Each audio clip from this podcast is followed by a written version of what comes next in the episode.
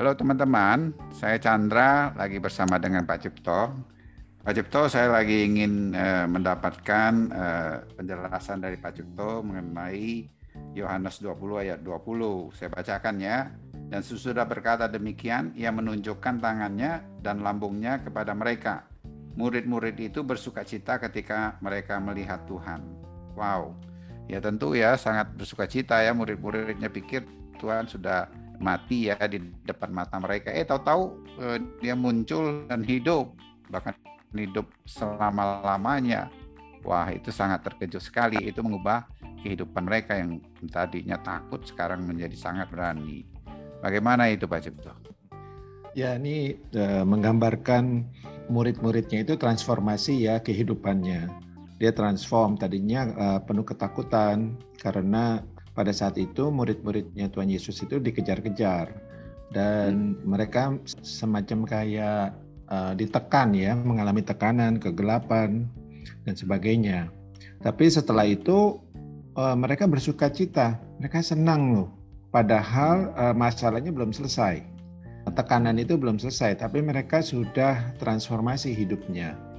Jadi kalau menurut saya, ya sekarang ini kan misalnya orang-orang agak uh, concern dengan keadaan ekonomi ya, inflasi, harga bensin melambung.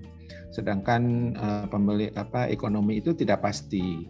Jadi uh, mirip sekali ya dengan keadaan yang uh, yang murid-murid Tuhan Yesus katakan tuh. Nah, jadi uh, ayat ini uh, sangat membantu bagi saya karena hmm. uh, jawabannya itu adalah di Kristus yang sudah bangkit, sudah hidup dan di dalam saya hidupnya.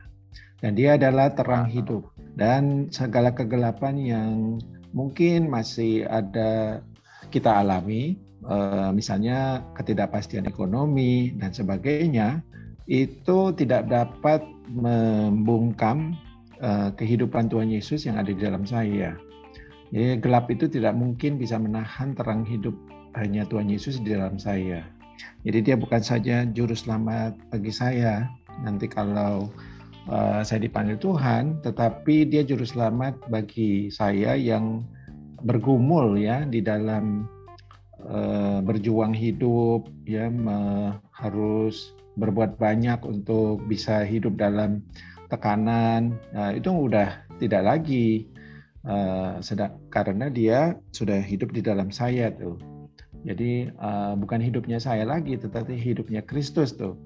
Uh, itu yang menyebabkan saya itu transform hidupnya dari yang tadinya khawatir, cemas atau bergumul menjadi bersuka cita seperti ya murid-murid itu dan uh, kita berfokus kepada kehadiran Tuhan Yesus yang ada di dalam saya.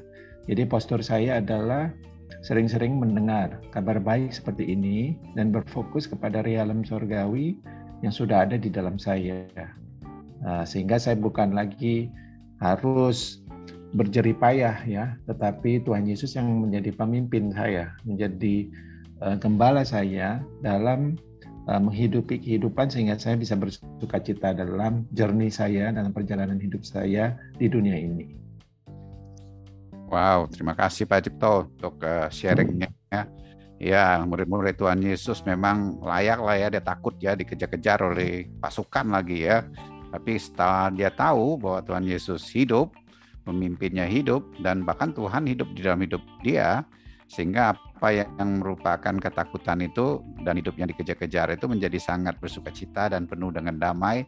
Mungkin kita nggak dikejar oleh eh, pasukan Romawi ya, tapi dikejar oleh keuangan, dikejar oleh eh, banyak hal yang lain-lain. Kalau secara manusia kita mungkin kita bisa tidak uh, rest ya, tidak damai ya, bisa takut dan khawatir seperti yang tadi Pak Cipto sudah jelaskan, tapi dengan tahu bahwa uh, kematian dan kebangkitan Tuhan Yesus itu adalah hidup kita yang lama, dia mati, dia menebus dan dia memberikan hidupnya dia.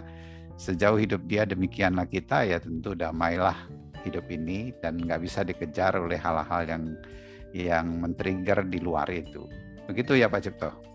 Ya benar. Thank you Pak Sucing. Amin. Thank you. Amin. Wow, terima kasih ya Pak Cipto. Kita sampai ketemu lagi di pertemuan Sigris berikutnya. Tuhan memberkati.